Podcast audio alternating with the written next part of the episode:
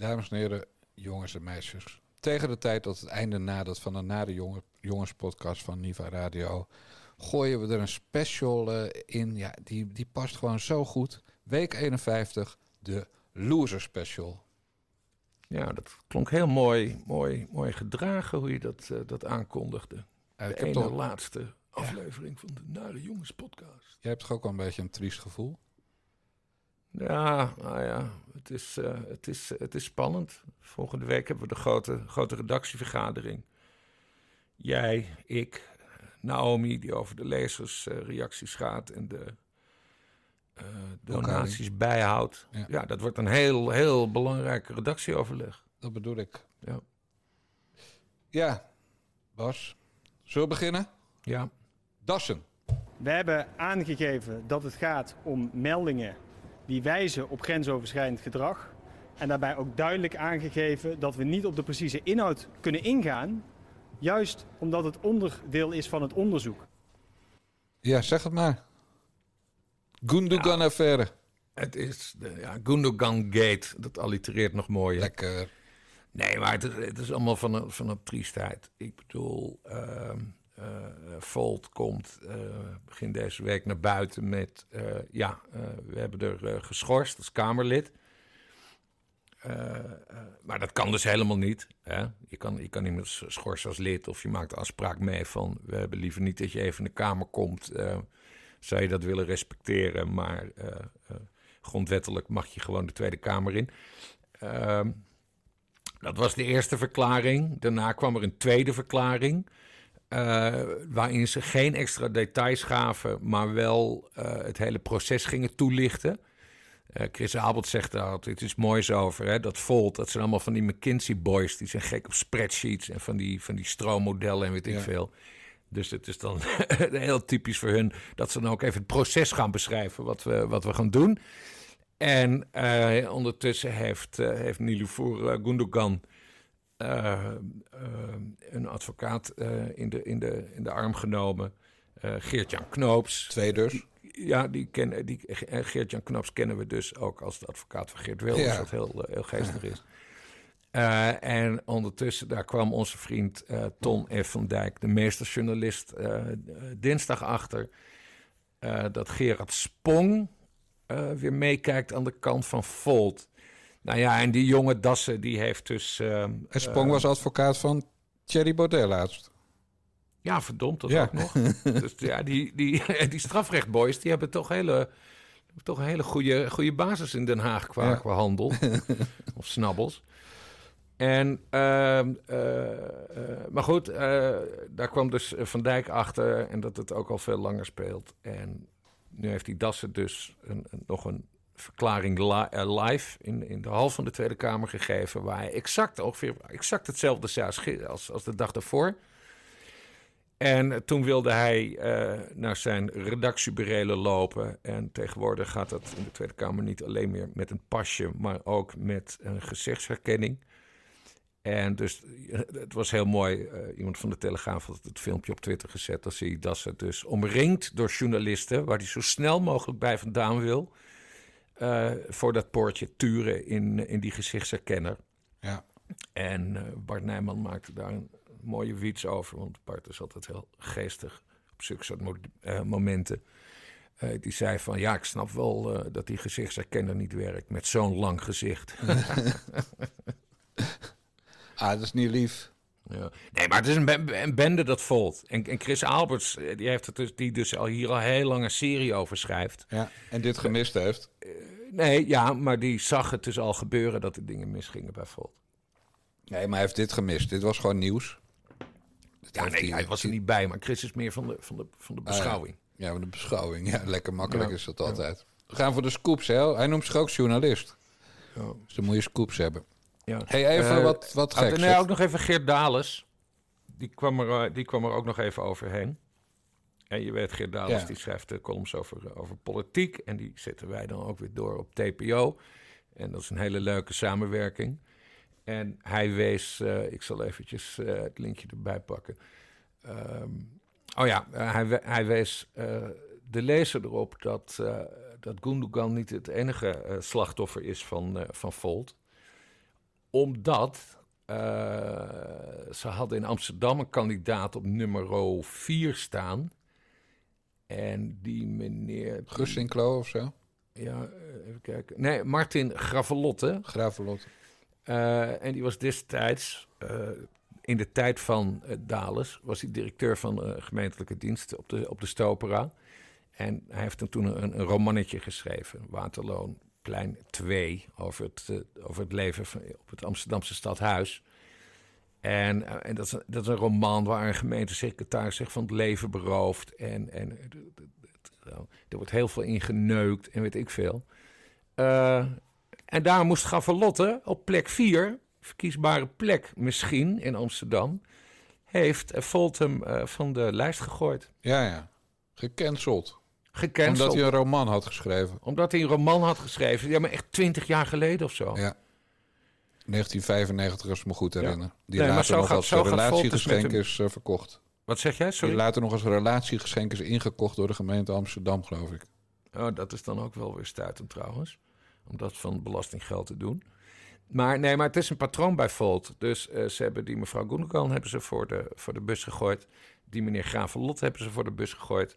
Uh, uh, ik weet nog in de, eerder, eerder dit jaar of eind vorig jaar... dat hele afdelingen regionale of, of, lokale afdelingen niet mee mogen doen aan de gemeenteraadsverkiezingen. Omdat ze de man-vrouw verhouding niet op orde krijgen. Hè? Dus één man, twee vrouwen of andersom uh, één vrouw, man. Ja, vrouw, 50 procent. Ja, precies. Waar trouwens wat heel slecht is. Uh, als jij je niet identificeert als man of vrouw. Precies. Hè? Maar goed, dat is, uh, daar, wij zijn heel woke en ja, streng in de leer. Uh, nee, maar goed, het, laat het totale amateurisme zien van dit, uh, van dit Volt. Ja. Wat ik ook wel grappig vind, het, enige wat ze hebben gezegd, uh, eigenlijk hetzelfde als bij één destijds met Quincy Gario. Het gaat niet om seksueel grensoverschrijdend gedrag. Hè, dat was ja. toen bij Gario ook. Dus het gaat ergens anders om. Nou, nou kennen wij die mevrouw Gundogan een beetje. Ja. En het lijkt erop dat het gaat om het feit dat ze onbeleefd is geweest tegen medewerkers van de fractie. Ja. Maar goed, ik heb dat wijf nog nooit wel beleefd gezien, eerlijk gezegd. Ze zit hoog in de energie. Ja, het is gewoon uh, een dat, Turk. Dat blijkt uit elk debat. Echt, Erdogan-Turk is het, die de emoties zelden in bedwang kan houden.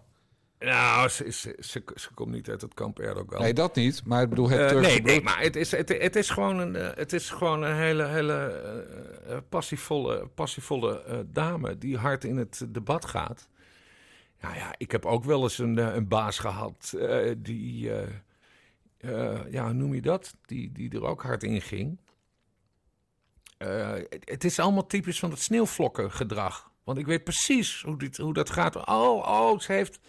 Ze heeft, ze heeft stom tegen me gedaan, omdat ik, omdat ik me, mijn beleidsvoorstel niet op tijd af had. En, en ze heeft tegen me geschreeuwd. En nu voel ik me onveilig. Nu voel Ja. ik me onveilig. Ja, dat is echt iets van de laatste jaren hoor.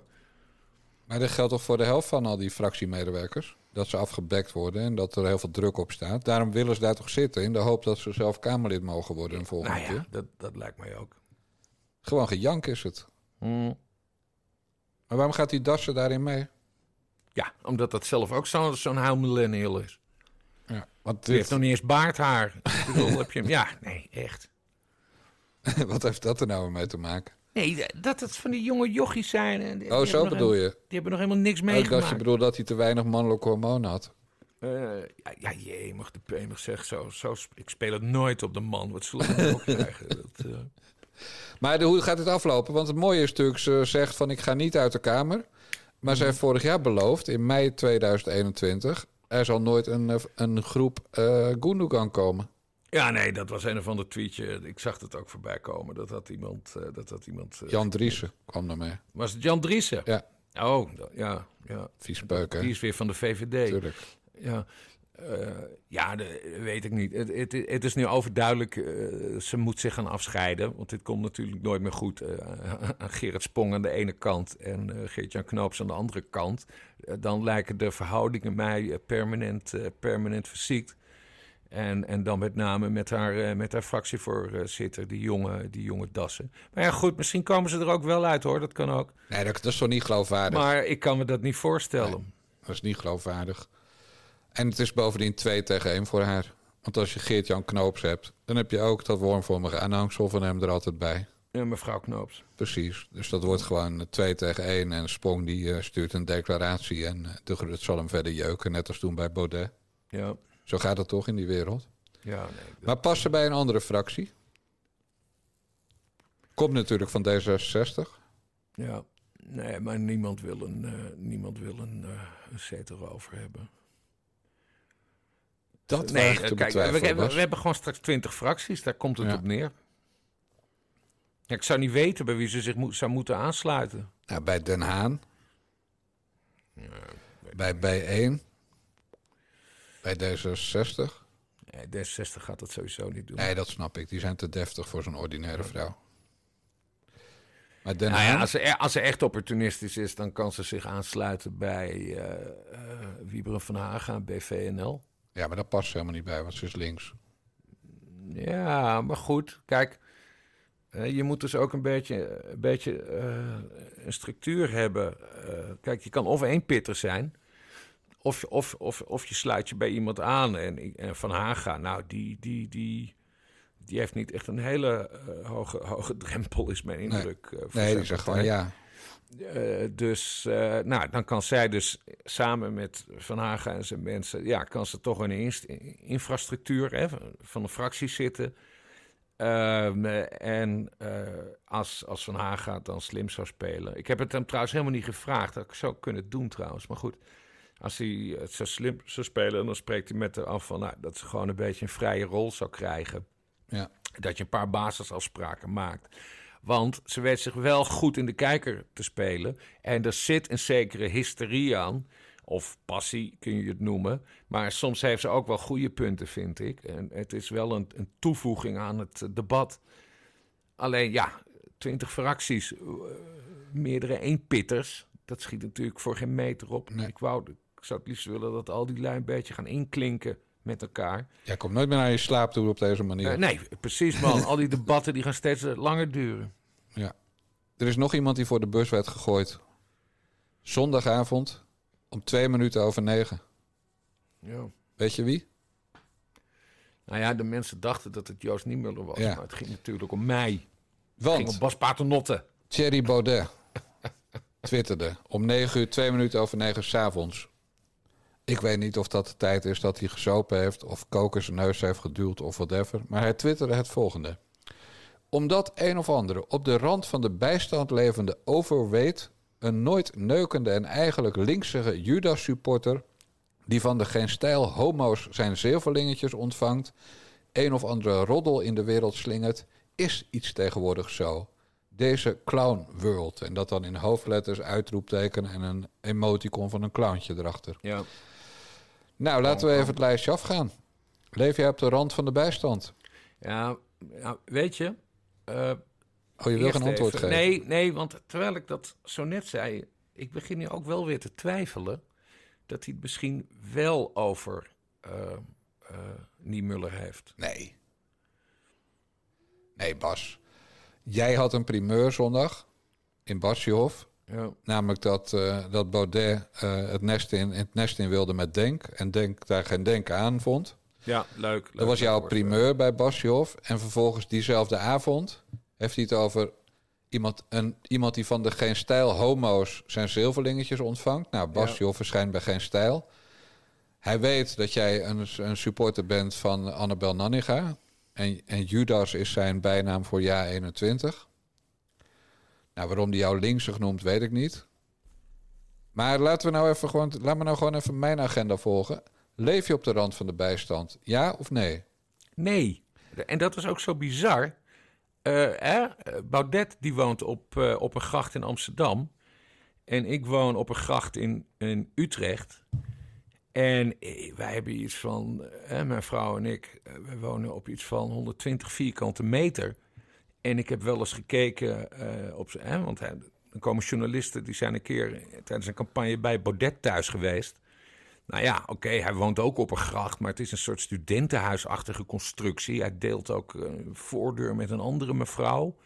En hij heeft een deel van de gang, heeft hij allemaal boeken opgehangen. En hij heeft hij een keukentje en een slaapkamertje en een, en een, en een woonkamertje. ja. Je lacht hem uit, bedoel je? Ja, ja, nee, eh, hij woont wel hartstikke leuk, maar ik woon ook hartstikke leuk. Dus ik Ja. heb geen idee waar dat bijstandverhaal vandaan komt. Oké, dat was één. Dus dat is een feitelijke onjuistheid. Ja, absoluut. Heb je overgewicht? Nou, dat vroeger wel, maar dat is nu, hè, want dat heb ik je wel eens verteld. Ik ben afgelopen, eh, tijdens die coronacrisis, ben ik iets van 15 kilo afgevallen, omdat ik veel minder naar het café kon gaan. En nu helemaal niet meer, omdat je daar dus een coronapas voor nodig hebt die ik eh, boycott. Dus dat, dat verhaal klopt ook niet. Nee, dat nooit neukende. Ik, ik ben al, al jaren samen met mijn vrouw. Al jaren. Bas, jij weet dat ik vroeger ook journalist was. Dit was niet het antwoord op de vraag. Nee, maar eh, dat gaat uitstekend op dat vlak. Nou, oké, dus dat is de derde feitelijke onjuistheid. Ja. Eigenlijk linksige. Heb ik jou nog nooit op kunnen betrappen. Nee, nee, dat ben ik ook niet. Oké, dat is Ik de ben, vierde. ik, ben fucking, ik ben fucking lid geweest van Forum voor Democratie een jaar. Omdat, hij toen, omdat Baudet toen nog normaal was. En ik vond dat hij hele goede ideeën had. Wat zullen we nou krijgen? Ja, dus het was al 1, 2, 3, 4. Vier feitelijke onjuistheden. Judas supporter, nou dat wel. Jij bent supporter van jaar 21. Ja, maar dat laat ik niet in mijn berichtgeving. eh, Nee, maar dat zegt hij ook niet. Nee, oké. Dus nee, dat is dat klopt. Nee, één, ja, klopt. één op vier. Eén klopt, vier kloppen niet. Hm. Krijg jij van geen stijl je geld? Ja, dat klopt.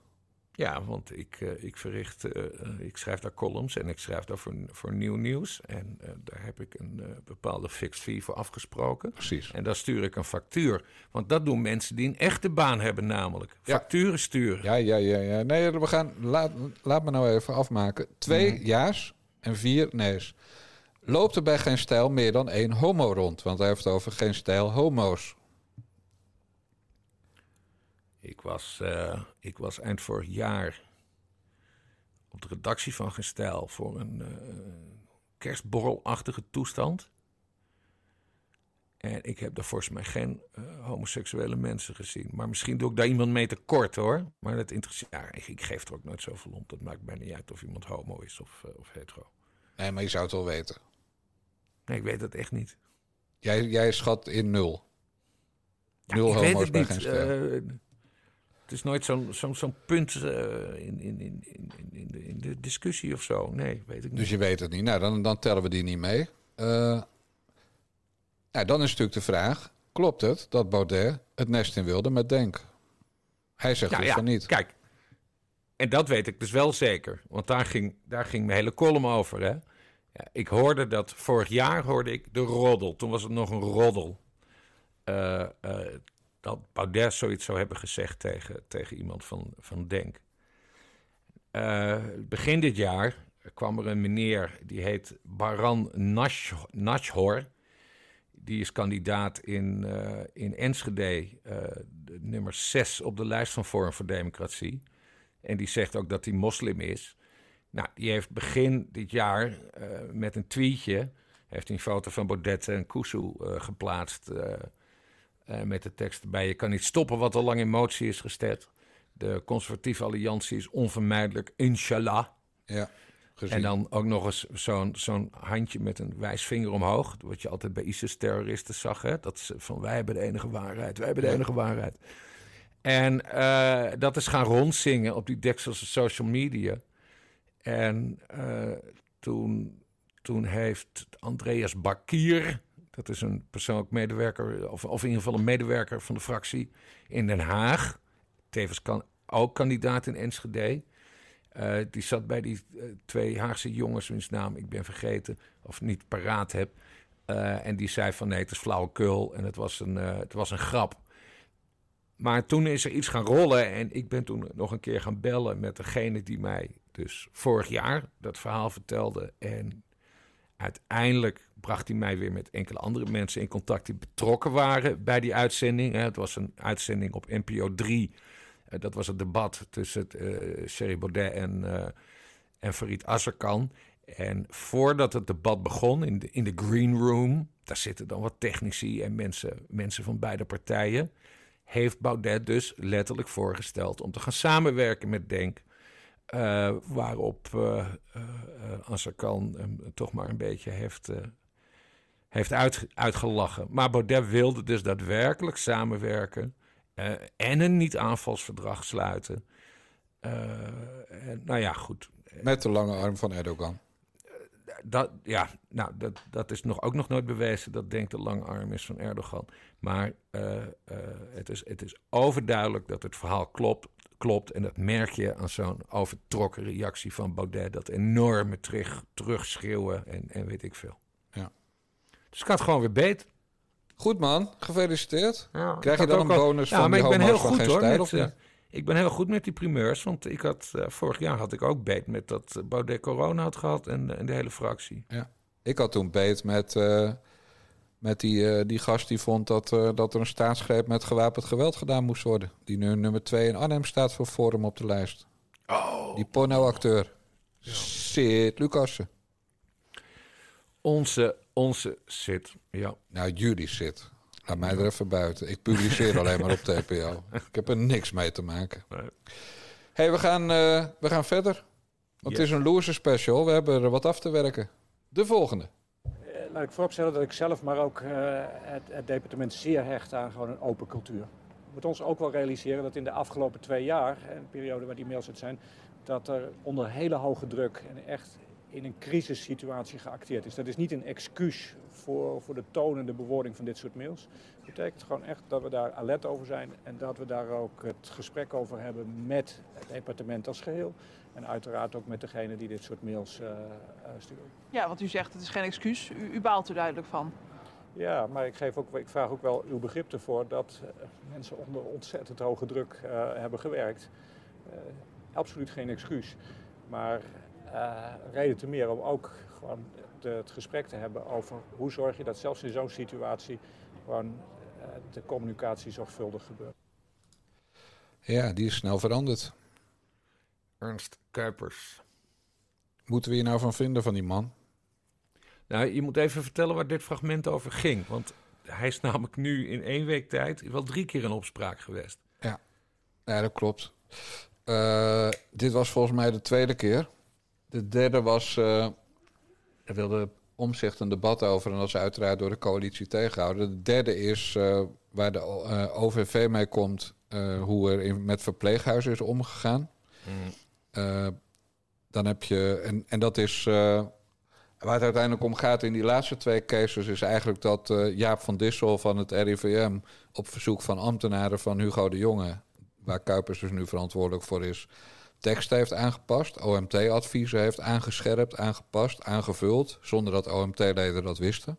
Ja. Natuurlijk een doodzonde voor een zogenaamd onafhankelijk instituut als het RIVM. Verder hebben we nog eh, kwesties gehad met eh, belangen van Kuipers, twee, in bedrijven. Waarvan één bedrijf zelfs op dit moment tegen de staat aan het procederen is. Ik meen over 27 miljoen schadevergoeding. Dat is de, die ademtester. Ja, dat is die, dat is, dat is die ademtester. Want daar, daar begon het eh, Ja, dat was de eerste, week, eh, mee. Maar daar is wel iets mee aan de hand. Eh, want de nieuwsuur die heeft gedaan alsof dat inderdaad een enorme belangenverstrengeling is. Maar het is dan wel een hele ingewikkelde, want Kuipers was commissaris bij een stichting die weer een andere stichting geld heeft gegeven om die blaastesttoestand eh, te, te, te financieren. Ehm, nou ja, ik vond het al geen sterk verhaal, maar wat dan wel grappig is van de NOS, dat zetten ze dan helemaal onderaan het eerste artikel. Tweede Kamerleden reageren terughoudend. Ja. Volgens Maarten Heink van de SP is er geen sprake van ongewenste belangenverstrengeling. Eh, en zelfs Pieter Omzicht, die zegt, die zegt letterlijk in dit geval... eh, eh, zit, zit Kuipers niet fout. Dus dat verhaal, ja, ik weet niet. De NOS, je, je weet hoe het kan gaan in de journalistiek. Ze Ja. dachten dat ze iets hadden. Het viel erg tegen. Het valt heel erg tegen. Maar ja, je bent er al zo lang mee bezig geweest. Ja, Laten we toch maar publiceren. En Ja. nou ja, en als als Kamerleden en dan kritische Kamerleden dus van de SP en Pieter Omtzigt... die echt nooit te bang zijn om een, een, een bewindspersoon eh, eh, af te fakkelen. Zelf zeggen van, nou ja, eh, eigenlijk is er niet zoveel aan de hand, eh, beste man. Ja, dan had je misschien beter dat verhaal gewoon helemaal niet moeten, moeten publiceren. ja. Die tweede kwestie is wel interessant, hè? Dat is dat software systeem om ziekenhuisbedden te, te, te tellen. Dat, hè, dat wilden Ja. ze. Dat wil, Ernst Kuipers was tijdens de coronacrisis chef, chef bedden, zeg maar. En eh, die heeft toestemming gegeven om een, om, om software systeem te ontwikkelen. Zodat alle ziekenhuizen in Nederland real-time konden zien eh, eh, hoeveel bedden waar beschikbaar waren. Hè? Zodat je al die patiënten een beetje makkelijker over het land kon verspreiden. Maar dat is, dat is één grote puinhoop geworden. Ja. En dat ontdekte de Volkskrant trouwens. En het, het heeft, het heeft, er is al 1,2 miljoen euro aan uitgegeven, begreep ik. En het werkt niet. En, en, en ziekenhuizen zeggen ook van, ja, eh, dit systeem is zo ingewikkeld dat wij, om het te laten werken, zouden we extra mensen moeten aannemen. Want gewoon even heen en weer bellen is makkelijker. Nou ja, dat is wel, dat is wel kwalijk. Ja. Maar de grootste kwestie is inderdaad. OMT-advies. Ook al was het toen niet zijn verantwoordelijkheid, omdat het gebeurde on- onder Hugo de Jonge. eh, dat het, het, het ministerie zich bemoeide met de tekst van OMT-adviezen. Terwijl eh Mark Rutte altijd zei van... nee, het OMT en het RIVM, dat zijn de wetenschappers. Daar luisteren wij naar. Daar, daar gaan we ons beleid op, eh, op bepalen. Dus, nou, daar is hij wel een mooie de fout in gegaan. En dat gebeurde dus dinsdag tijdens de regeling van werkzaamheden... dat Pieter Omtzigt, nou ja, voor zijn doen best wel woedend werd... Eh, want hij wilde een debat en merendeel van de oppositie wilde een eh, debat. Eh, alleen de coalitiepartijen, die, ja, die houden dat dus tegen. Alleen de coalitiepartijen of ook de alleen de coalitiepartijen. Oké. Ja, dat deugt niet. Kan Nee. niet anders zeggen. Dat zou tegenhouden bedoel ik. Ja, maar goed, dat wordt wel vervolgd. Want als u deze naar jongens luistert, is het woensdag. En vandaag, woensdag, is er dus een debat over, het, eh, over, over, over de coronamaatregelen. maar het lijkt erop dat eh, de coalitie wil in ieder geval dat dan niet hebben over deze specifieke kwestie. En die zeggen dan van, nou, laat er eerst maar een brief komen. En er is binnenkort een, een commissiedebat. En laten we dit maar niet tijdens het grote debat doen. Dus ja, die zijn gewoon heel erg huiverig dat, eh eh, dat Kuipers op, op de kloten gaat, eh, gaat krijgen. Want voor de mensen die politiek niet volgen, hij is verantwoordelijk voor alles wat al zijn voorgangers hebben gedaan. Exact, exact. Dus dit kan hem, eh, ja, als er geen coalitie zou zitten en Lianne Den Haan, zou het hem de kop kunnen kosten. Ja, en het telt dus mooi bij elkaar. Het telt dus mooi bij elkaar op zo. Dus je hebt Ja. nu die kwestie van de OMT-adviezen. En dat, dat, dat gefaalde software systeem waar hij echt verantwoordelijk voor is. Ja. Eh, nou ja, en, en dat ding eh, van Nieuwsuur, dat, dat kunnen we eigenlijk wel buiten beschouwing laten. Want dat was niet heel erg interessant. Maar goed, twee is ook al netjes. Wat erger is, is dat je zelden iemand in zo korte tijd zo oud hebt zien worden. Die man die tekent enorm. Ja, maar hij zag, hij zag al niet heel erg lekker uit. Hè? Dat, dat, heb ik je wel eens gezegd. Het is een beetje een hele oude Pim Fortuyn. Nu. Nou ja, het is, een, het is een zware baan. En eh, hij zal ongetwijfeld in zijn, in zijn vorige baan eh, ook heel he- hard hebben gewerkt. Maar als minister moet je even een tandje bijzetten. Dus dat zal wel even wennen voor hem zijn. En je hebt natuurlijk eh, een nieuw spel te ontdekken. Zo Ja. simpel is het ook. Ja. Geen leuk spel ook. Nee. Maar hij gaat wel gewoon, ja, hij gaat wel gewoon overleven natuurlijk. Vanavond, eh, of, is het, of vanavond is dus dinsdagavond, gisteravond natuurlijk de gebraden haan met alle eh, maatregelen die eraf gaan per 25 Ja. februari. Want er komen verkiezingen aan, dus we gaan even puntjes scoren bij het Ja. gepeupel. Of neem het wel serieus? Nee, hij gaat het heel zwaar krijgen. Ik denk dat het uiteindelijk gaat hij het wel redden. Maar eh, hij gaat het wel heel zwaar krijgen. En dan kun je trouwens wel afvragen. Dat is ook wel een beetje oneerlijk. Hè? Want eh, Hugo de Jonge die heeft heel lang het voordeel van de twijfel gehad. Ja. Ja, en hij, ja, hij stapt dus in die, in die voetsporen van Hugo de Jonge. En ja, dan ben je wel verantwoordelijk. Want, hè, want ze zijn beide, de een was en hij is het nu, verantwoordelijk voor hetzelfde dossier. En wat je zegt, hij- je bent dus ook verantwoordelijk voor je voorganger. Ja. En ja, dat is, ja, maar ja, hij, hij wist dat, hij wist dat. Ja, dat toen bedoel hij, ik. Toen hij besloot, ik, eh, oké, ik word minister van Volksgezondheid. Ja, Ik sterker heb, nog, ik, heb daar, ik heb daar ook weinig, eh, geen compassie. ik, ik. daar, daar heb ik weinig compassie mee. Ja. Ja, dit, is, eh, dit is hoe het gaat in Den Haag, vriend. hij heeft ook in 2020 al gezegd hij minister wilde worden. Hè? Het is niet... Ja. Ja. Het komt niet uit het niets, dat ministerschap. Daarna heeft hij meegeschreven aan het verkiezingsprogramma van D66. Ja. Dus hij liep al een tijdje warm te draaien. Was gewoon een natte droom van die man. Ja, nee, precies. Dus daarom heb ik niet echt compassie ermee. Het is gewoon spannend, het is gewoon leuk. Het is, het is waar debatten over moeten gaan. En we gaan weer een quizje doen. Jij mag Oh, eh, straks zeggen wie je hebt gehoord. Ja.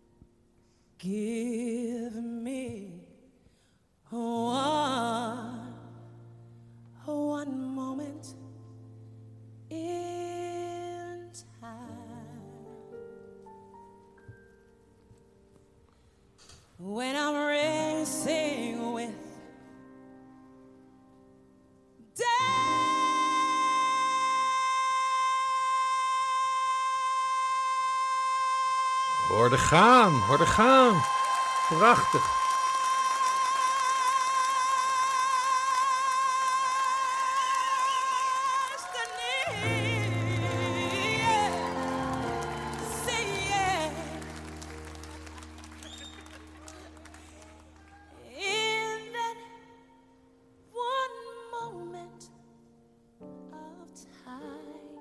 Ja, nee, lang genoeg, lang genoeg. Is het, is het, is het nou Whitney Houston zelf of, of is het Glennis Grace? Want ik, ik, ik, ik kan ze echt nooit uit elkaar houden. Nee, dit was natuurlijk Glennis Grace. Maar eigenlijk Maar was het hoor dus die ze Glenda dat volhield. Dat, dat is prachtig. Dat is een vakvrouw. Ze kan zo goed zingen. Ik, ik word er altijd helemaal... Ik krijg daar kippenvel van. Ik vind het heel mooi. Ja, nou, dat is ook al het mooie aan haar. Dat ze, Ja. dat ze goed kan coveren. Want daarna houdt het wel op. Wat een vreselijke tyfusstrut is dat, zeg. De, de, de zoon stond in de Jumbo te roken. Werd erop aangesproken. Vijftien jaar oud, hè? Rook in de Jumbo. Ja. Zij was erbij. Nee, nee, nee, nee. Zal ik het maar vertellen? Want je Of- hebt weer, ja. het is weer klokklepel anders. Ja. Dat teringventje van inmiddels 15, maar in de buurt staat hij al veel langer bekend als een teringventje. Dat teringventje stak een e-sigaret op. Viper of zo heet dat, kan dat? Weet je dat? Nou, een e-sigaret. ja, die stak hij op midden in de Jumbo. Kleine Jumbo in, in de Jordaan.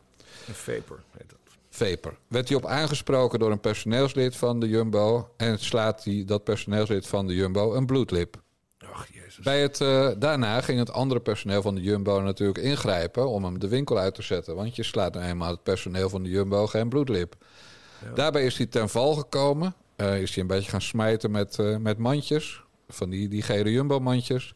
Is ten val gekomen op zijn gezicht. En had dus zelf ook een lichte verwonding. Was om drie uur 's middags.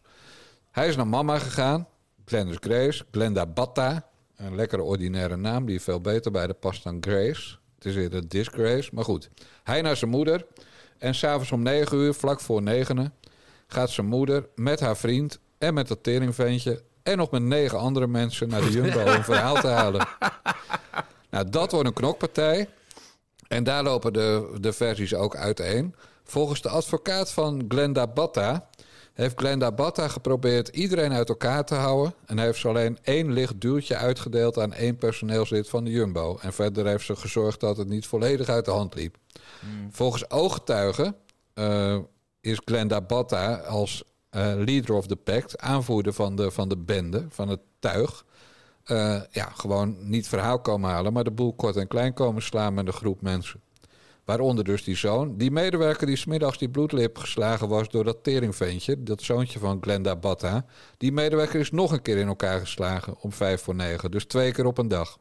Eén van de medewerkers met een hersenschudding naar het ziekenhuis. eh, voor controle. Nou, en en eh, mevrouw Batta minimaal drie nachten de cel in. Ja, dat is er eh, gebeurd. Ja, dat was wel grappig, want dat werd maandag bekend. Toen kwam er een perscommuniqué binnen van de politieeenheid eh, Amsterdam. Eh, eh, die zeiden, de drie verdachten in het onderzoek naar geweldsincidenten in een supermarkt... blijven ook vandaag op last van de officier van justitie vastzitten. En, nou, en dan komt het hele mooie, want de afdeling persvoorlichting van de politie-eenheid Amsterdam is dan wel klaar dat ze door 200 media per uur gebeld worden. Hoe Ja. staat het ervoor? Hoe staat het ervoor? Dus zij eindigde de perscommuniqué met... tot het moment van een eventuele voorgeleiding aan een rechtercommissaris of een heenzending... doen wij verder geen mededelingen Ja. meer. Ja, die worden gek. ja, die zijn dan helemaal klaar van... jongens, wacht maar op het persbericht. En ik vind dat best, best wel begrijpelijk. Ja, want in hetzelfde bureau zat natuurlijk Leeuw Kleine, Jorik Ja. Schouten, Scholten. Ja, die, die nog ergere dingen heeft gedaan. Namelijk zo'n zijn vriend. vrouw eh, tussen, eh, tussen de portier geduwd, toch? Precies. Met haar hoofd. Ja, nadat hij er aan de haren uit de auto had getrokken. Nou, die Jamie Vaas is ook geen, eh, geen, geen fijne. Maar je blijft gewoon als kerel of een vrouw af, klaar. Ja. Dus dat, dat doet hij dan niet.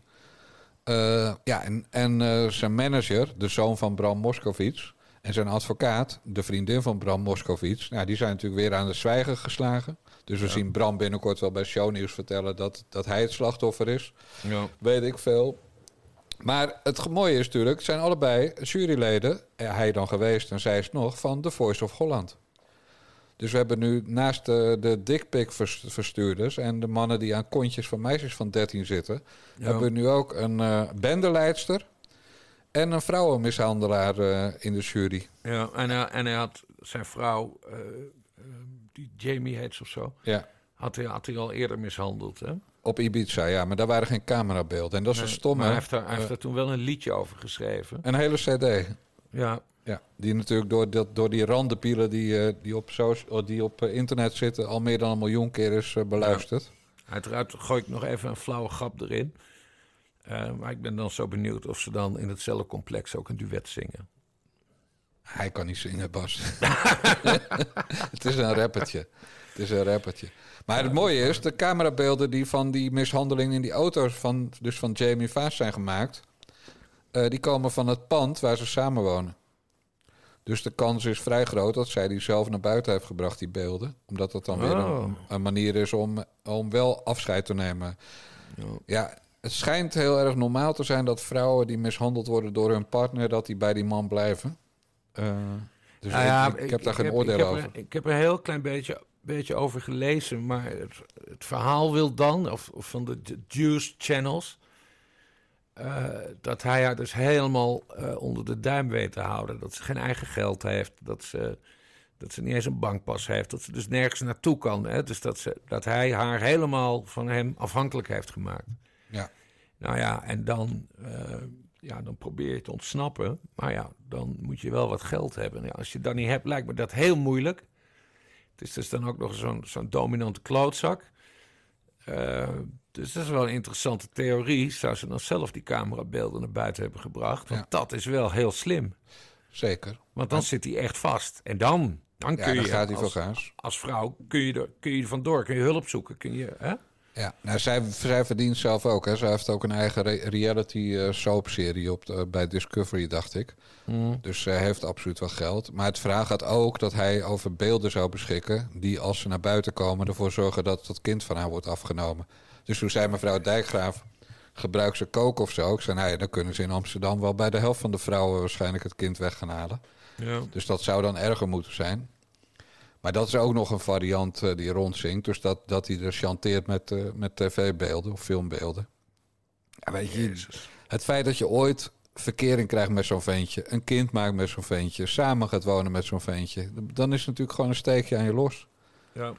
En, en ze kan zelf ook iets op het gebied van eh reality ster spelen. Maar, maar jezus joh, ga, ja. En dan, dan wordt ze geholpen nu door Estelle Kruif. Nou, dat is, eh, dat is een lekkertje. En door een zich Koen Kardashian noemende homo. Een of andere nicht die dan haar beste vriend is al 100 jaar. Als hij het echt echt- Kardashian? Of is het een... Nee, natuurlijk niet. Ze hebben allemaal net als, eh, net als eh, Yvonne Kolde, Yvonne van het Juice Channel, Koldewijer. Ja, Die noemt zich ook Alberta Verlinde. Ze hebben allemaal ook een soort bijnaam. oké. Maar eh, dus Koen Kardashian, dat, dat is dan de aller, aller, allerbeste vriend van, het, eh, van die vrouw die nu in elkaar geslagen is door, eh door Leeuw Kleine. Maar hij heeft ook in al die jaren dat die gast dit al flikt, nooit Leeuw Kleine een keer in elkaar gerost met die man in het donkersteeg. Nou, Dus ja, wat heb je nou zo'n beste vriend? nou. En ik vraag me ook af, Ook al is ze is al 32, hè, die Jamie Vaas. Maar heeft ze geen vader? Bedoel, als, als ik een dochter van 32 had en die werd in elkaar gerost elke keer door haar vriend. Zou ik toch even zeggen, vriend, eh, wij gaan niet meer stoppen. Ja. Want anders eh zullen we eens eventjes eh, een deurpost bij jou naar binnen gooien aan de Nou ja, zijkant de, van jou. de kleine kale kapelmeester versus uh, Little Kleine. Nou, dat is het pijnlijke, Bas. In mijn toetje heb ik dat gisteravond ook onthuld, dus dinsdagavond. Oh, We zijn precies even lang. oké. Lil Klein en ik. Nou, dan zou het wel een gelijke strijd zijn. Ja, maar ik heb in mijn hele leven nog nooit gevochten, man. Dat, dat heb ik nooit nodig gehad. Ik ben, ik ben nooit omgegaan met imbecielen die aan de kook zitten. Nee. nee. Dus, dus dan heb je dat niet nodig. Heb jij wel eens gevochten? Ja, zeker. Dronken zeker. Ja, tuurlijk. Ja, maar ik drink ook zelden. Dus Ja. dat, nee, dat helpt toen, ook ik, niet. toen ik nog op de, studeerde en zo, dan, dan kwam je wel eens in een vechtpartijtje terecht of zo. Hey, nu hoop ik even dat Gui- Guido den Aantrekker, de hoofdredacteur van Story, niet meeluistert. Want die heeft me nu al twee keer beledigd op Twitter. Vandaag noemde hij me gekkie. Omdat ik complimenten uitde- uitdeelde aan die Yvonne Kolderweijer. Maar ik vind die Juice Channels dus echt een aanvulling op de media in Nederland. Als je wat die Kolderweijer naar buiten heeft gebracht, al de afgelopen maanden. eh, en roddelpraat ook een beetje van Jantje Roos. Maar dat is niet weinig. Eh, en dat komt, en dat, dat zegt, ze- dat, er zijn twee redenen. De eerste is, het is geen journalistiek medium, dus ze publiceren roddels. Ze zeggen niet, het is waar, ze zeggen, het zijn, het zijn roddels en eh beste RTL Boulevard en Story doen jullie de rest van het werk maar. Maar een andere belangrijke reden is dat ze met niemand vriendjes wil zijn. Dus die Yvonne Kolderweijer, die zit gewoon een half miljoen te verdienen. Met, met een Telegram groepje waar mensen 10 euro per maand voor betalen. Tienduizenden. Dus die, die zit gewoon heel lekker geld te verdienen. Ja. Doet ze goed. Eh, maar dat, maar ja, ze, ze heeft dus scheid aan of de familie De Mol haar aardig vindt. En of Marco Borsato haar aardig vindt. En, en nog interviews wil geven. Dat heeft ze helemaal niet nodig. Ja. Ze heeft een stel spionnen in het hele land die allemaal tips geven. Nou, afgelopen weekend bleek er dus weer twee tips te kloppen. De eerste Ja. tip was Leeuw Kleine. De tweede was Glennis Grace. Ja, ik snap wel, ik snap wel dat Guido, den aantrekker, de, eh, we kennen hem eh, beide uit onze panoramatijd. Eh ik snap wel dat hij een beetje korselig re- reageert. Eh, eh, dat heeft twee oorzaken. Eén, hij heeft inderdaad niet die vrijheid om zomaar alles in de tijdschrift te gooien. Want dat, dat wordt op een gegeven moment heel erg duur qua juridische, eh, eh, qua advocaten die je achter je aankrijgt. En, en daar wordt altijd wat lacherig over gedaan, maar zo ken ik Guido al heel lang. Eh, hij, neemt wel zeker, hij heeft wel zekere journalistieke pr- eh, eh, principes. Hoe Beter, hij, ja, beter dan alle andere media in Nederland. Want, exact. Ja, hoe, dat klopt. hè, hoe hij dat blad maakt. Eh, die gaat nooit over één nacht ijs. Nee. En dat is, gewoon, dat is gewoon. En dan kun je wel boos zijn. Ja, nee, maar het, het gaat over roddels, dit en dat, bla bla bla. Maakt allemaal niet uit. Eh, De entertainmentwereld heeft ook recht op, op, op, op goede, degelijke journalisten. Nou, daar behoort hij toe. Zeker, maar dat wil niet zeggen dat je mensen die een andere methode hanteren, waarbij het nieuws meestal blijkt te kloppen, want dat is natuurlijk waar het om gaat, Ja. eh, dat je die maar constant moet afbranden en Nee, moet maar goed, dat zeg ik. Dat is dus die korseligheid. Dat is een zekere frustratie. Ja. Want natuurlijk wil hij, dat, wil, wil hij ook al die, al die primeurs hebben. Maar omdat hij gewoon zijn eigen principes gestand doet, kan hij dat niet. Ja, Hij moet het bewijzen, ja, dat klopt. Ja, word je een beetje korselig. Nou, Ja, vind ik dat- helemaal niet erg. Nee, ik zou daar sportiever in zijn, denk ik. Hmm. Het grappige is dat die Juice Channels, op het moment dat, dat ze een keer voor de rechter gedaagd worden, en dat zal binnenkort heus wel een keer gebeuren als ze er eens een keer naast zitten, en door iemand die zeker weet dat hij een proces gaat winnen, maar dan roepen ze één keer doneren. Nou, zelfs, eh, zelfs Willem Engel die kon zo een stukje grond in Spanje kopen. Ja, Dus dan doneert iedereen, dan betalen ze daar keurig die rechtszaak van. ja. Dus ja, dat ik, stukje grond trouwens, dat... eh, heeft hij terugbetaald. dat- ja, dat heeft hij Ja, terugbetaald. dat weet ik. Maar jij denkt, voor wij ook weer weer een proces krijgen. Ja, nee. Ja, nee, ja, precies. Ja. Nee, die Willem Engel, joh, dat is, dat is gewoon history nu. Zeker als de coronamaatregelen eraf zijn. Ja. Wat je ja, er dan moet hij een nieuw verdienmodel, eh, nieuw verdienmodel bedenken. Ja, of hij wordt dansleraar. Zou kunnen. Ja. Terug naar zijn oude stiel. Ja. En dan misschien zijn er nog klanten dan die iets te melden hebben over grensoverschrijdend gedrag in eh, de dansschool van Willem Engel. Wie weet. Hey Bas, ik heb voor de rest van onze podcast heb ik hele lange fragmenten genomen. Ja. Maar dat komt om als Buitenhof een keer iets goed doet... hè, die enkele keer. Ja, dan vind ik dat we ze ook alle credits en alle ruimte moeten geven om dat eh, breder bekend te maken dan bij de mensen met rib, ribfluwelen bro- broeken die op zondagmiddag niet naar de Olympische Winterspelen kijken of naar voetbal, Ja, maar naar eh, Nederland 2 toevallig deze week, NPO 2, maar normaal NPO 1. Dus eventjes, je kan eventueel gaan plassen, drie minuten, Mevrouw buitenhof. Kroes, eh, interessant, want u komt er ook in voor in het boek. En die Luijendijk schrijft over u, onder andere over u, maar heel veel mensen. U, u schrijft, meneer Luijendijk, ik snap goed dat mensen proberen op Joris Luijendijk te lijken. En dan even verder. Eh, zo pasten sommigen bijvoorbeeld hun taalgebruik aan en maakten het chiquer. Dochter van een zwaar Calvinistische ondernemer uit Rotterdam, Nelly Kroes, nam ooit het besluit overdreven deftig te gaan praten. Is dat zo?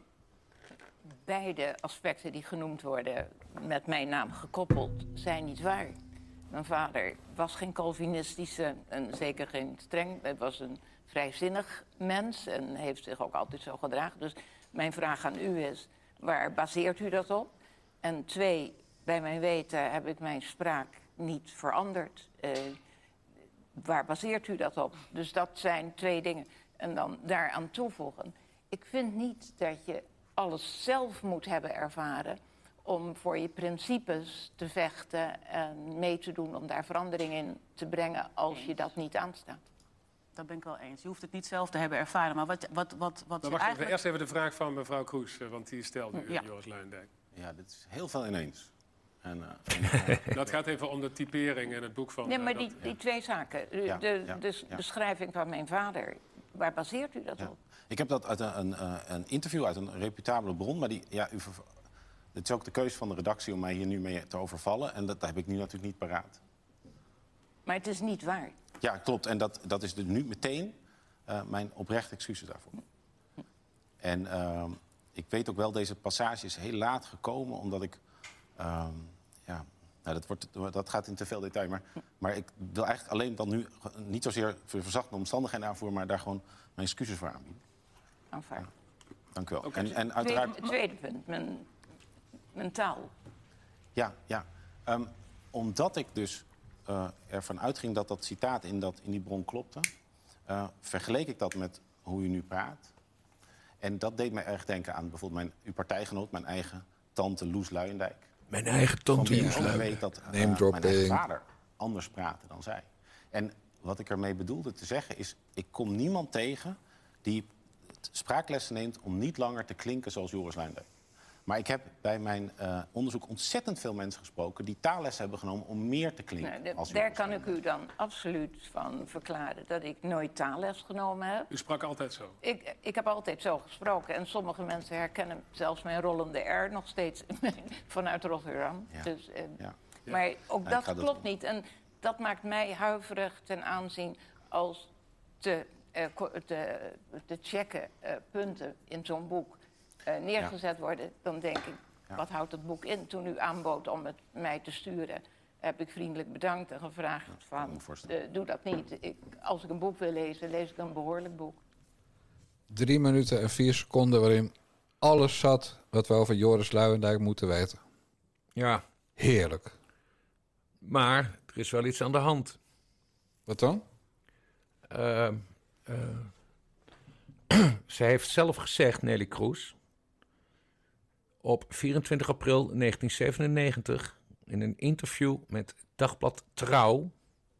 Ik kom uit een Nederlands hervormd nest, zwaar Calvinistisch. Mijn ouders leerden mij en mijn jongere zusje en broer hard werken, je zegeningen tellen en niet piepen.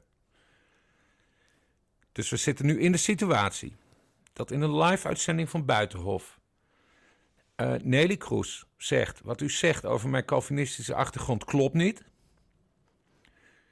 Eh, de schrijver Joris Luijendijk biedt ogenblikkelijk zijn excuses Ja. aan. Klopt, zei hij zelfs. Hij, hij komt dan ook nog met iets van: Ja, ik kan dat niet helemaal uitleggen waarom dit is fout gegaan.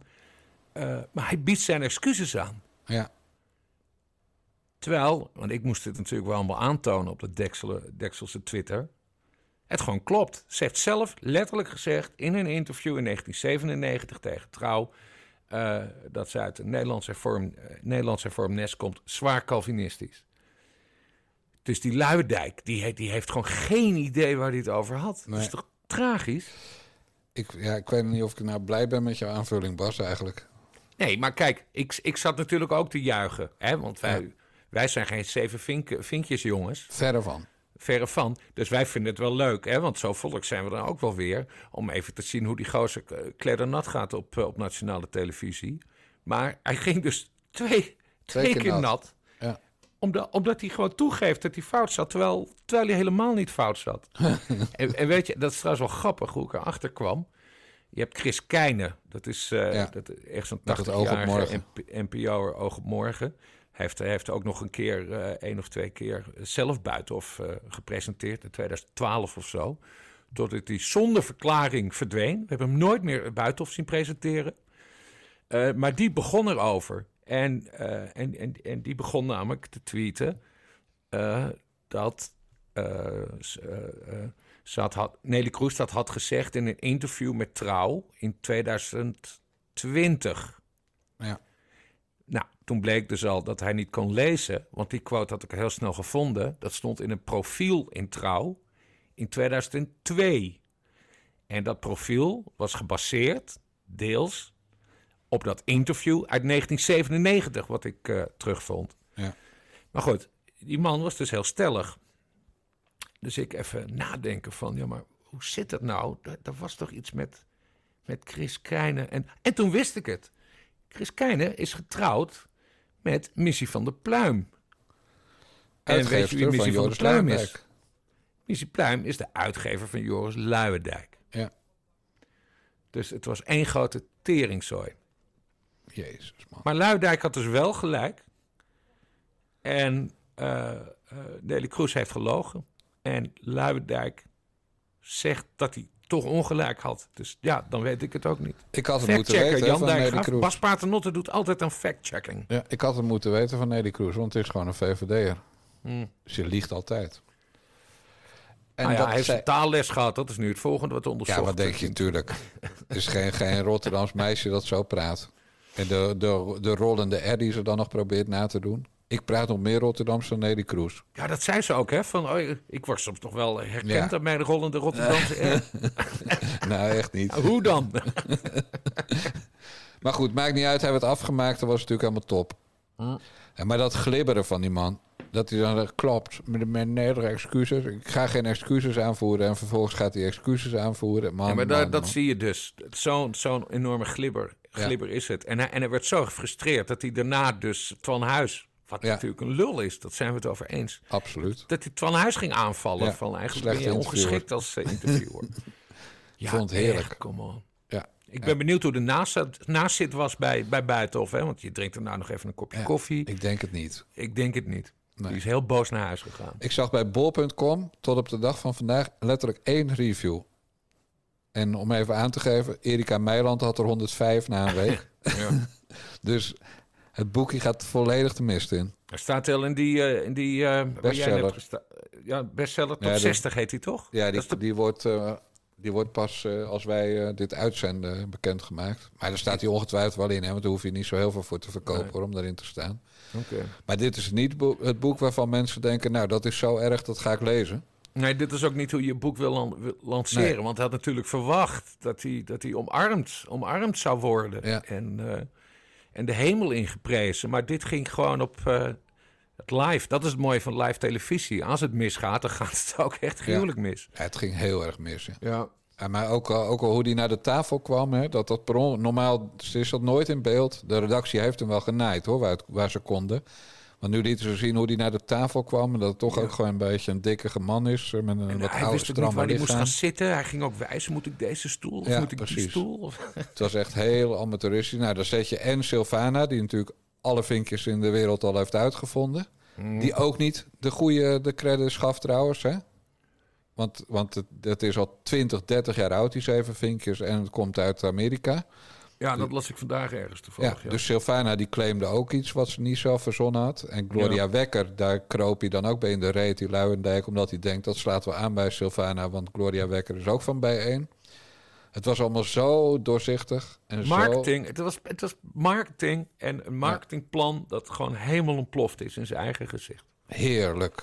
Ja. Nou, daarom wilde ik dat even helemaal laten horen. Ja, maar er is goed. nog zo'n mannetje uit die groep die onder vuur ligt, hè? En, en daar hebben wij nu een probleem door.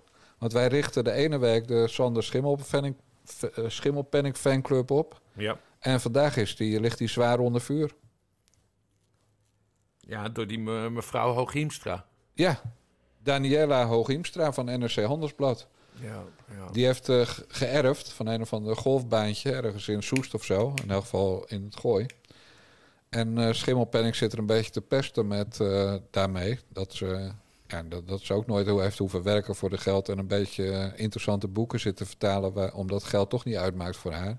En die heeft vandaag een, een, ingezonden brief naar de Volkskrant gestuurd. Nee, die heeft ze online gezet omdat ze niet weet of de Volkskrant hem Nee, plaatst. precies. Ja, maar ze heeft hem ook gestuurd.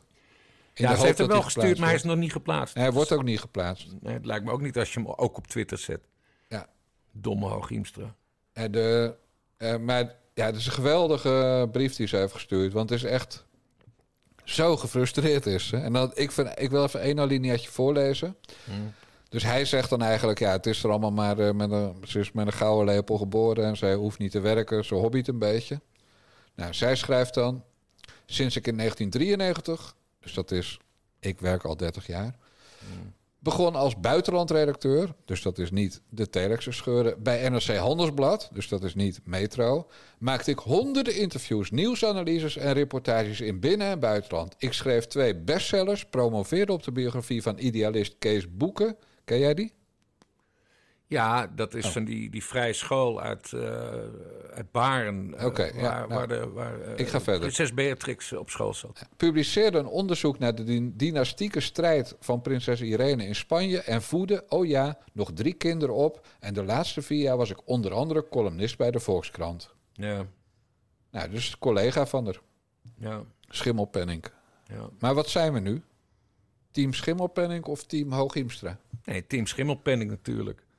Omdat we de fanclub hebben of omdat we het met hem eens zijn? Nee, omdat, omdat, omdat we- kijk, je moet de volgordelijkheid, zoals dat heet, moet je bekijken. Zij schreef eerst een column in NRC over zijn nieuwe televisieserie Sander en de Kloof. Ja. En daarin maakte ze allemaal verkeerde aannames.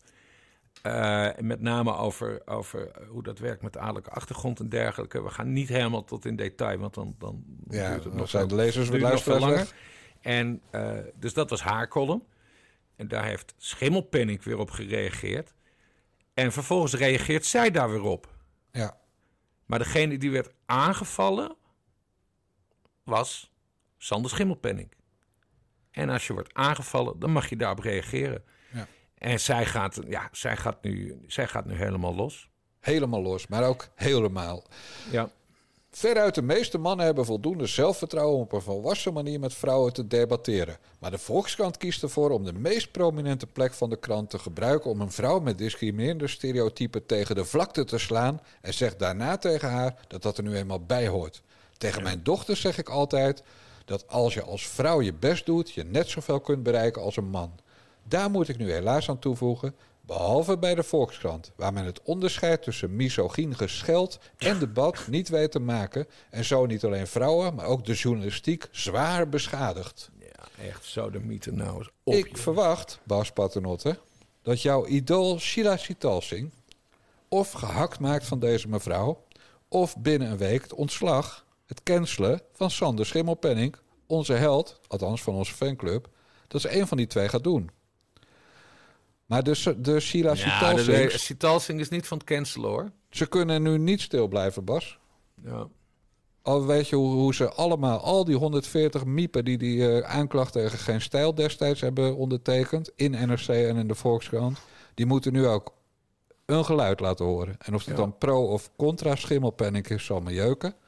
Want zo lang bestaat die fanclub nog niet. Hè? Morgen een ander. Ja. Maar er moet wel iets gebeuren. Ja. Dit, het kan niet zo zijn dat als een vrouw meent zo aange- aangevallen te worden... Hè? en het gaat niet om of het objectief gezien zo is. Het gaat erom hoe, Hmm. hoe mensen het voelen. Het gaat om gevoel en om de toon. Ja. Misogyn gescheld. Het is nogal Ja. wat. De Volkskrant wordt gewoon neergezet als een schande voor de journalistiek. En dat zegt iemand die jaren... Slecht voor vrouwen. Slecht voor ja, vrouwen. maar Ja. de Volkshand is een schande voor journalistiek. Zegt dus iemand die bij NRC Handelsblad werkt... waarvan we de kop nog kennen. Hoe zouden de hersenen van Prins Friso ervoor staan? Ja, precies. Toen hij vocht voor zijn Geschreven leven, door de een dappere prins. Geschreven door een vrouw. Ja, de vrouw van die dokter. Ja. Koelewijn, een van de zussen. Dus ik verwacht, Bas, dat, dat dit een grote rel bij de persgroep gaat worden. En bij die andere, bij die andere Belgen. Ja, daarom denk ik dus dat het, dat, het, dat het niet een hele grote rel gaat worden. Omdat het voor beide merken natuurlijk dan weer slecht is. En iedereen is tegenwoordig daar is de dood voor. Ja. Terwijl het in principe eh, hele ouderwetse polemiek is. Hè? Van gewoon eh, columnisten van verschillende kranten die elkaar helemaal de tyfus schelden. Ja, Ja, maar dat vind ik nu- hartstikke leuk om te lezen. Dat is, Ja, hè, dat is dat het ouderwetse Twitter, zeg maar. Maar wie er nu aan de zijkant staat te kijken en zwijgt, is medeplichtig. Ik weet nog niet met wie, ah, maar die is medeplichtig. Zo nou ja, ik eh, ik maak er geen geheim van. eh, ik sta volledig achter eh, Sander Schimmelpenning. Oké. Nou, Punt. Basta. Gaan we nu over naar de volgende loser. Edwin, waarom heeft het zo lang geduurd voordat jij eh, uitleg geeft over eh, nou ja, de club die in brand staat, eh, de affaire Overmars? Ja, ik weet niet wat je verstaat onder uitleg, Hans. Voor mij ben ik eh, in het persbericht wat we afgelopen zondag hebben uitgebracht eigenlijk, ben ik, eh, ben ik aan het woord geweest eigenlijk. Ik heb het eh, nogmaals eh, eigenlijk in, eh, toen er gezegd werd dat ik, eh, dat ik er al van afwist eigenlijk, eh, heb ik daar nog wat over, over gezegd. Mijn belangrijkste eh, ja, stakeholders in dit geheel eigenlijk is mijn eigen organisatie waar ik, ben, waar ik verantwoordelijk, waar ik, ver- wacht maar, laat, laat mij even uitpraten dan als je wil, waar ik verantwoordelijk voor ben. Wanneer heb jij de eerste signalen opgevangen? Eigenlijk. Nou, dat is eigenlijk eh, op het moment dat we dat, eh, de eerste signalen, dat Tien. denk een dag of, eh, dag of tien Acht. geleden. Oh nee. Niet Acht. eerder. Nee, sorry, even of tien geleden. Maar even- Nou, eh, Wacht even. Kleine, kleine acht, negen dagen voor het vertrek Niet belangrijk, joh. Ik heb geen enkel eh, signaal keer. daarover gehad, over, over, over grensoverschrijdend gedrag van Mark. Ja, zegt dat iets over jullie organisatie? Nou, ik denk dat wij, ja, Shit. Eh, nou, dat blijkbaar is de organisatie dan niet goed, eh, goed ingesteld om op dit soort geluiden te, te, te zien, eh, op te merken en daar, eh, daar, eerder, eh, daar eerder mee te dealen. Stel, Edwin, ehm, dat keihard boven tafel komt dat jij het al een tijdje wist, dat je signalen hebt gekregen. La, laat, laat, laat het zien, Hans. Absoluut, laat het zien. Dat gaat niet gebeuren. Dat gaat niet gebeuren. Op het eind toch nog even een beetje agressief, hè? Een beetje de baas. Laat het ja, zien, dat Hans. staat ook Bewijs daar. maar. Eén ding, één ding hebben we niet laten horen. En dat kom- komt ook omdat hij toen niks zei, maar het wel een beeld liet zien. Want ik heb het hele filmpje van ESPN heet dat. Ja. Heb, ik, heb ik bekeken. Eh, Hans K. junior die vraagt hem dan van... eh, stel eh, dat je fout... Ik parafraseer, ik weet het het letterlijke tekst niet meer. Stel je voor dat- dat je, dat je fout zou, toch fout zou zitten. Zou je dan opstappen? En dan zegt hij niks, maar dan knikt hij ja. Dat vond ik wel moedig van. Ja. ja, want hij gaat dus opstappen. Ja, Maar denk hoeft- je dat hij gaat opstappen? Ja, maar er hoeft niet eens meer gevonden te worden. Maar het, Hmm. is, het is nu wel... Het is niet de eerste affaire bij Ajax, wel de grootste. Maar ze hebben de affaire gehad met... eh, ik doe het even in omgekeerde volgorde. Hmm. Eh, nou, ze hebben de affaire gehad, ik laat maar bij het begin beginnen, met Nouri. Ja. De, de voetballer die eh, doordat slecht werd ingegrepen bij een hartstilstand. Nu, In eh, Oostenrijk. precies, nu als een kastplantje leeft. Nou, daar hebben ze natuurlijk bizar lang gedaan over het afhandelen van de schadevergoeding. Waardoor dat een gênante vertoning werd. Ja. Waar Peter R. Vries zich zelfs mee bemoeide. Ze hebben de affaire gehad met, eh, eh, met een voetballer die van mishandeling wordt bedacht, Labayat. Ze hebben de affaire gehad met Promes, die, een, die verdacht wordt van poging tot moord... omdat hij met een mes eh, bij zijn neef in een been had gestoken. Of Ja. doodslag, ik weet niet precies, een van de twee. Maar in elk geval, die hebben ze toen eh, ja, niet meteen eh, weggestuurd. Later Nee. wel verkocht naar Rusland. Maar dat was ook weer zo'n zo'n gênante vertoning. Nou, laatst hadden ze de, in strijd met de coronaregels vliegen vanuit Portugal. Ja, en nu dit. En ik heb uit zeer betrouwbare bron, want ik luister namelijk heel soms wel naar de podcast van Erik de Vlieger en Yves Geiraat. Dus ik heb uit Mm. zeer betrouwbare bron gehoord dat er nog veel meer zit aan te komen bij Ajax. Ja. En het kan best dat Van der Sar dat niet wist, omdat die slijmballerige chefjes eh, in dat bedrijf dat niet aan hem verteld hebben. Maar van Mark Overmars schijnt toch wel iedereen bij Ajax het geweten te hebben. Ja, nou ja. En, En Marjan als, als algemeen trouwens. directeur moet je dan je verantwoordelijkheid nemen. Ja, nee, dus hij gaat hoe dan ook weg. Ja, oké. Maar door dit optreden, had, alleen door dit optreden moet hij al weg. Het is een bedrijf met meer dan 400 man personeel. Het is een beursgenoteerde onderneming. Ja, dan moet je als direct, algemeen directeur... of je moet inderdaad zeggen, ik ga echt niet met de media praten. Ja. Hè, wat hij dus de eerste dagen, na, eerste week heeft gedaan... nadat Overmars ontslagen werd. Want ik kan dat niet. Maar dan moet je niet zo half stoer gaan staan stamelen... niet je data op Nee, maar Van der Sar is daar dus niet heel erg goed in. Heel en daar heb in. jij ook nog een anekdote over. Want jij hebt hem, toen hij nog voetballer was... heb je meen ik, in de VS geïnterviewd? Ja, in 1994 bij het WK was hij, Mhm. eh, de- begon hij eigenlijk net als voetballer. Stond hij net een jaar onder lat bij Ajax. Toen, eh, toen was ik voor Panorama bij het WK voetbal in Amerika.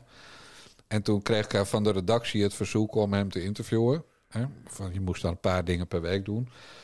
En eh, er zaten natuurlijk allemaal van die pleuris ajax op die redactie. Dus toen vroeg ze of ik Van der Sar wilde interviewen. Ja, ik, ik ben echt daarna maanden van slag geweest met... eh, ik denk dat ik een slechte interviewer ben. Ik denk dat ik een slechte interviewer ben. Want er kwam niks uit. Helemaal niks. dus je- natuurlijk heb je dan geleerd open vragen te stellen. Maar ook op open vragen antwoorden die in maximaal zes woorden. Ja.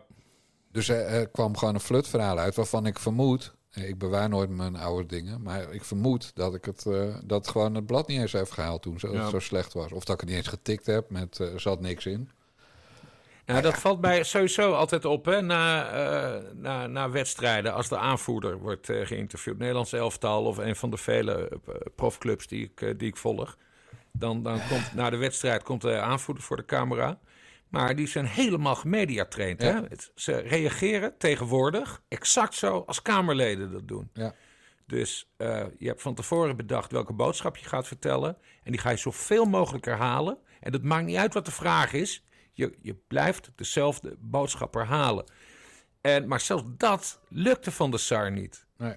Hij probeerde een indruk te wekken van openhartigheid. Tegelijkertijd viel hij eh, Hans Kraaij junior aan. En verder kwam er heel veel onzin uit. Eigenlijk. Dus, dus hij, heeft, hij heeft op alle vlakken gefaald. Terwijl ik aan, mag aannemen dat Van der Sar ook gewoon zijn mediaman heeft. Oh ja, Ja, dat is ook die een een mooie... quote had dat hij boos was Ja. dat vrouwelijke medewerkers van Ajax naar buiten waren. Dus misschien is het niet zo'n goede mediaadviseur. Nou, in elk geval niet als ze dit soort kwesties spelen. Nee, precies. Nee, en Marion Olvers, die sportjurist, die bij alle talkshows heeft gezeten de afgelopen week, Hmm. die zei nog dat, er, eh, dat, er, eh, eh, dat zij had begrepen dat er nog meer aankwam. En, Ja. en het is ook wel vrij bekend dat het om veel meer ging bij Overmars dan alleen maar dickpics. Nog Want die meer, hadden ze nog wel over het hoofd kunnen zien. Nee, dat is een grapje. Ja, dat is een grapje. Ja, want hij is, hij is 1,76. Eh 1,73, sorry. Nee, maar het is geen grapje dat er nog meer is Nee, dat niet. Nee, precies. Nee, dus, dus het is nog niet over. En het is- er zou ook nog een club zijn waar dit speelt. Oh. Dus eh, ja, dat, dat, is allemaal, eh, dat is allemaal niet zo raar. Ik bedoel, dat, Nee, het is dat natuurlijk de logisch dat voetballerij. het ook elders speelt. Maar Ja. dan gaan er dus meer omvallen. Als ze op dit niveau be- bevinden, wel ja. Dat, Ja, eh, zo, zo zie je dus alles aan het omvallen. Het is, het is begonnen bij... Nou ja, het is natuurlijk al jaren geleden begonnen met Me Too in 2015, 2017, whatever. 17. Maar, maar, maar dankzij eh, 2017, maar dankzij de Voice of Holland eh, is het nu uitgebreid naar de politiek, naar de voetballerij. ja. Oh ja, over Juice gesproken, hè? Er moet natuurlijk, het kan niet lang meer duren of er komt een Juice Channel over eh, het Binnenhof. Ja, ja, dat zou zomaar kunnen. Nou, we hebben dat zelf ook wel eens geprobeerd, weet je, nog een paar Ja, maar terug. wij waren onze tijd ver vooruit en het was papier. Ja. Maar kijk, ik- geloof heel erg in een Juice Channel over het Binnenhof. Dat, gaat, dat zou de politiek drastisch veranderen. Ja. hey, we kunnen de luisteraars, omdat dit toch de laatste uitzending is, nog met één onderwerp. Eén na laatste uitzending. Ja, de één na laatste. Zei ik dat niet? Nee, is de laatste. Dit is de ene laatste, eh, ene Oké. laatste uitzending. En eh, volgende week maken we bekend of we doorgaan. Ja. Nou goed, we kunnen de luisteraars, omdat dit de na laatste uitzending is, verblijden met nog één onderwerpje. Of we kunnen nu de stekker eruit trekken voor vandaag. Wat doen we? Zullen we doen het laatste onderwerpje? Nou, dat doen we wel, omdat, omdat we het net hadden over juice channels en de politiek. Ja. Eh, wat we zo meteen gaan horen is een soort juice channel. Alleen het klopt niet wat ze vertellen, aantoonbaar. Maar eerst gooi even- eerst maar het eh, fragment. Ik ga ze eerst even, eerst even duidelijk maken over wie we het hebben. We hebben het over twee dames die in dienst zijn bij de Telegraaf. Kitty Herwijer die is mediajournalist bij de Telegraaf. En Elif Isetman is parlementair verslaggever bij de Telegraaf. En dit is het begin van hun laatste podcast van 13 februari. Ze zijn jong, zijn nog jong. En hun harten liggen op hun tong. Altijd alert, erg alert. De mening eindelijk ongefilterd. Dit is Ongefilterd met Kitty en Elif. Heb jij ehm, je koek op? Ja, dit is meteen jouw ergernis, hè? Ik had, ik had nog een beetje honger, want ik moest haasten. En ehm, toen had ik even lekker een gevulde koek hier beneden gehaald. Maar Luisteraars, niet wegrennen. bent- Komt nog iets leuks. Misofoon heet dat? Ja. Ja, en dat is dus dat je niet tegen geluiden van mensen die eten kan. Ja. En ik, ik eet echt heel vaak ook aan de telefoon. En dan moet ik altijd rekening mee houden dat jij dan helemaal lijp wordt. Ja, wat ik wel lief vind aan jou is dat je dan ook zegt: Ik ga zo wat eten. Dus misschien moeten we later bellen als ik klaar ben met eten. Ik vind het heel fijn dat mensen daar rekening mee houden. Het is wel, eh, moet, kunnen wij wel van leren, Bas, zo'n binnenkomer. Hè? Het is wel meteen hup vol erin. Gaat het over? Maar wat, wat maakt je zo woest daarvan dan? Nou, ik denk dat veel is mensen woest. herkennen, want echt heel veel mensen hebben hier last van. En het is volgens mij ook best wel een, inmiddels wel wat meer besproken onderwerp. Ik heb zelf overigens niet echt een diagnose of zo gekregen, maar ik weet wel dat ik dit heb. En mijn moeder heeft het ook. En het zit een beetje bij mij in de familie. En eh, ja, dat is gewoon dat geluid van eten. En, en ook van die mensen die dan. zeg Oh, dat maar- is wel. Ja, maar dat hangt Zal ik hem, eh, zal ik stoppen? En dat is echt Niet afschuwelijk. goed, hè? We komen toch nog bij iets belangrijkers? Ja, dat komt zo. alleen af en toe Nee, ik gooi hem gewoon uit. Ja. Dit, dit gaat namelijk nog 1, 2 minuten door over geluiden die iemand in de trein maakt. En, en eh, Als geluiden die aan het eten is. Ja, nee, joh, ademen. Het gaat op het eind over dat ze niet tegen... Die Elif kan niet tegen ademgeluid van mensen. En, ze- en ze zat dan in de trein bij iemand en die maakte ook weer geluid en ademgeluid. En dan wordt ze helemaal gek van. En je kan natuurlijk niet stoppen met ademen. Nou, dat kan wel. Ha, ha, En waarom wil de. Telegraaf-podcastluisteraar dat in godsnaam allemaal weten? Ja, niet. Het- Dit moet bij de FIFA of zo. Nou, zelfs daar niet. Dit, dit is FIFA Forum t- 1998 of zo. Hmm. Maar waar het uiteindelijk op neerkomt is dat een van die twee miepjes... die kan niet tegen geluid van eh, eten en ademen. Daar komt het op Ja. neer. Dat, en daar doen, gaan ze dan ruim twee minuten over zitten lullen. Ja, ik wil je één anekdote over vertellen. Ja, doe maar dan. 100 jaar geleden, want ik herinner me net, ik weet dus niet hoe de aandoening heet. Eh, ik zat een beetje zoet te twitteren, zoals ik altijd doe als ik even, even niks te doen heb. En toen kwam ik op een tweet van iemand die eh, heel blij was, want ze, was in therapie gegaan. eh, omdat ze een enorme angst had dat mensen over haar heen zouden kotsen. En dat was over in therapie geweest, dat drie jaar geduurd. En dus ik had dat gelezen. En daar was een term voor. Die term die ben ik kwijt, angst voor kotsen. Dus toen heb ik een tweetje geplaatst. Vandaag met mijn lieve vriendin Annabel Nanninga eh, naar de psychiater geweest. Om, eh, en ik ben heel blij dat ik er nu achter ben gekomen. Ik heb last van die eh, kwaal en dan die term. En ik ben bang dat mensen over me heen gaan kotsen. En ik, ik wil Annabel ontzettend bedanken dat ik deze stap met haar heb kunnen zetten. En dan krijg je dus, dat was een hele mooie dag, jaren geleden. Heel veel tweets van zogenaamde lotgenoten. Oh, wat moedig, wat moedig Bas dat jij dit aan de kaak stelt. En dit, dit, dit eerlijk durft te vertellen. Dus toen had ik al spijt. Want er zijn dus echt mensen die hier serieus last van hebben. En daar mag je helemaal geen grappen over Nee, maken. dat mag zeker niet. Nee. Nou, dat geldt voor die dus ook. Maar goed, weet je wat nou met die twee miepjes van de Telegraaf is? Want ik heb nog niet verteld wie het zijn. Die disclaimer moet er natuurlijk altijd bij. Het zijn geen eh stagiaires van de vrouwenredactie, hè? Het zijn mediajournalist en parlementair journalist. Maar ook leden van het leesclubje van Soumaya Maya Sala. Sala. Ja. Dus het zijn geen koekenbakkers. En een van die twee, mevrouw Isitman, die heeft tegen mij gezegd... zet jezelf nog wat vaker voor lul op Twitter, Jan. Ga vooral zo door. Dus nou, ik ga door, alleen dan nu in de podcast. Maar die Elif Isitman is dus parlementair verslaggever bij de Telegraaf. Dus die volgt de politiek in Den Haag op de voet.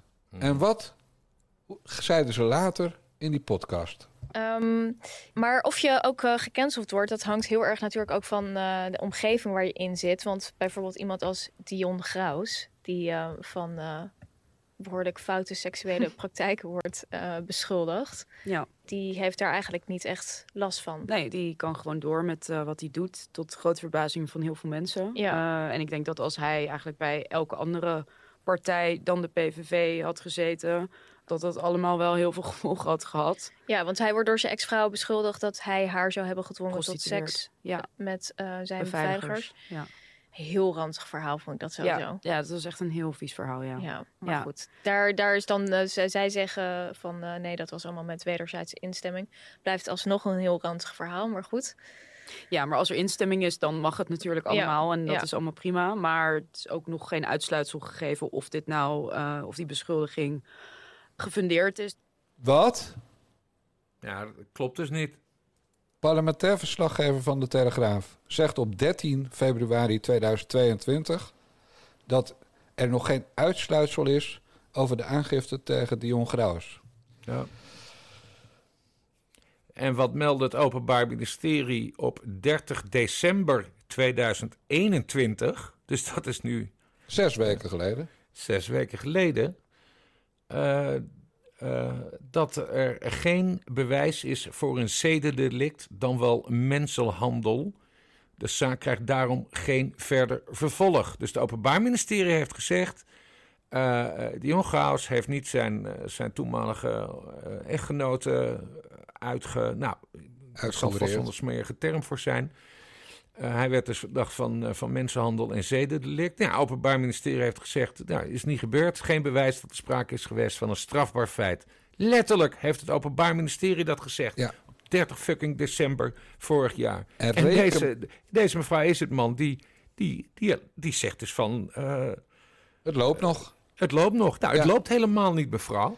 Nee, en reken maar, omdat het, juist omdat het Dion Graus is, dat het Openbaar Ministerie heel goed heeft gezocht of er wat te vinden was tegen hem. Natuurlijk. Ja, en dit is ook de mevrouw die de, die de uitspraak tegen Soumaya Sala op Twitter een gerechtelijke dwaling noemde. Ja, nee, maar daarom. En, en ik vind het... eh, We hebben, we hebben daar eerder hebben we daar wel eens ruzie over gemaakt. Ik vind, ik vind die mevrouw IJzerman en die, en die Kitty Herwij trouwens ook... Ik vind dat buitengewoon geestige eh, twi- twitteraarsters. Eh, die podcast van hun luister ik niet. Ik bedoel, man, ik nu waarom. zoveel podcast. Ik heb daar gewoon echt geen tijd voor. En als het dan ook nog eens gaat over dat je stoort om ademhaling... dat heb ik echt nul interesse in. Maar dit is wel heel kwalijk hoor. Dus dat ze, dat ze eerst jou zwart maakt eh, met die, eh, met die Sala-toestand. En, en dat ze nu op, op die podcast zeggen dat, dat het. Hè, laat, laten ze Graus nog steeds bungelen. Terwijl het Precies. Openbaar Ministerie heeft gezegd: ja, nee, er is geen bewijs. Case closed. Schandalig. Ja, schandalig. Ja. Nou, dat wilde ik nog even kwijt. Zootje losers hebben we gehad, zeg, Tering. Goed hè?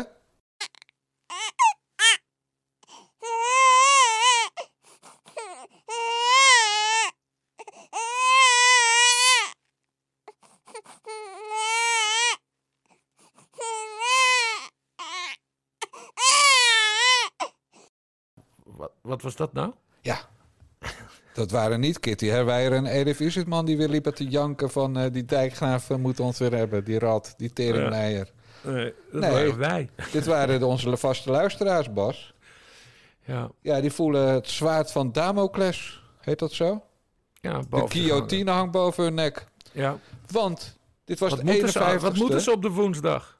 Ja, dit was de 51ste. De 51ste aflevering van de Nare Jongens podcast van Niva Radio.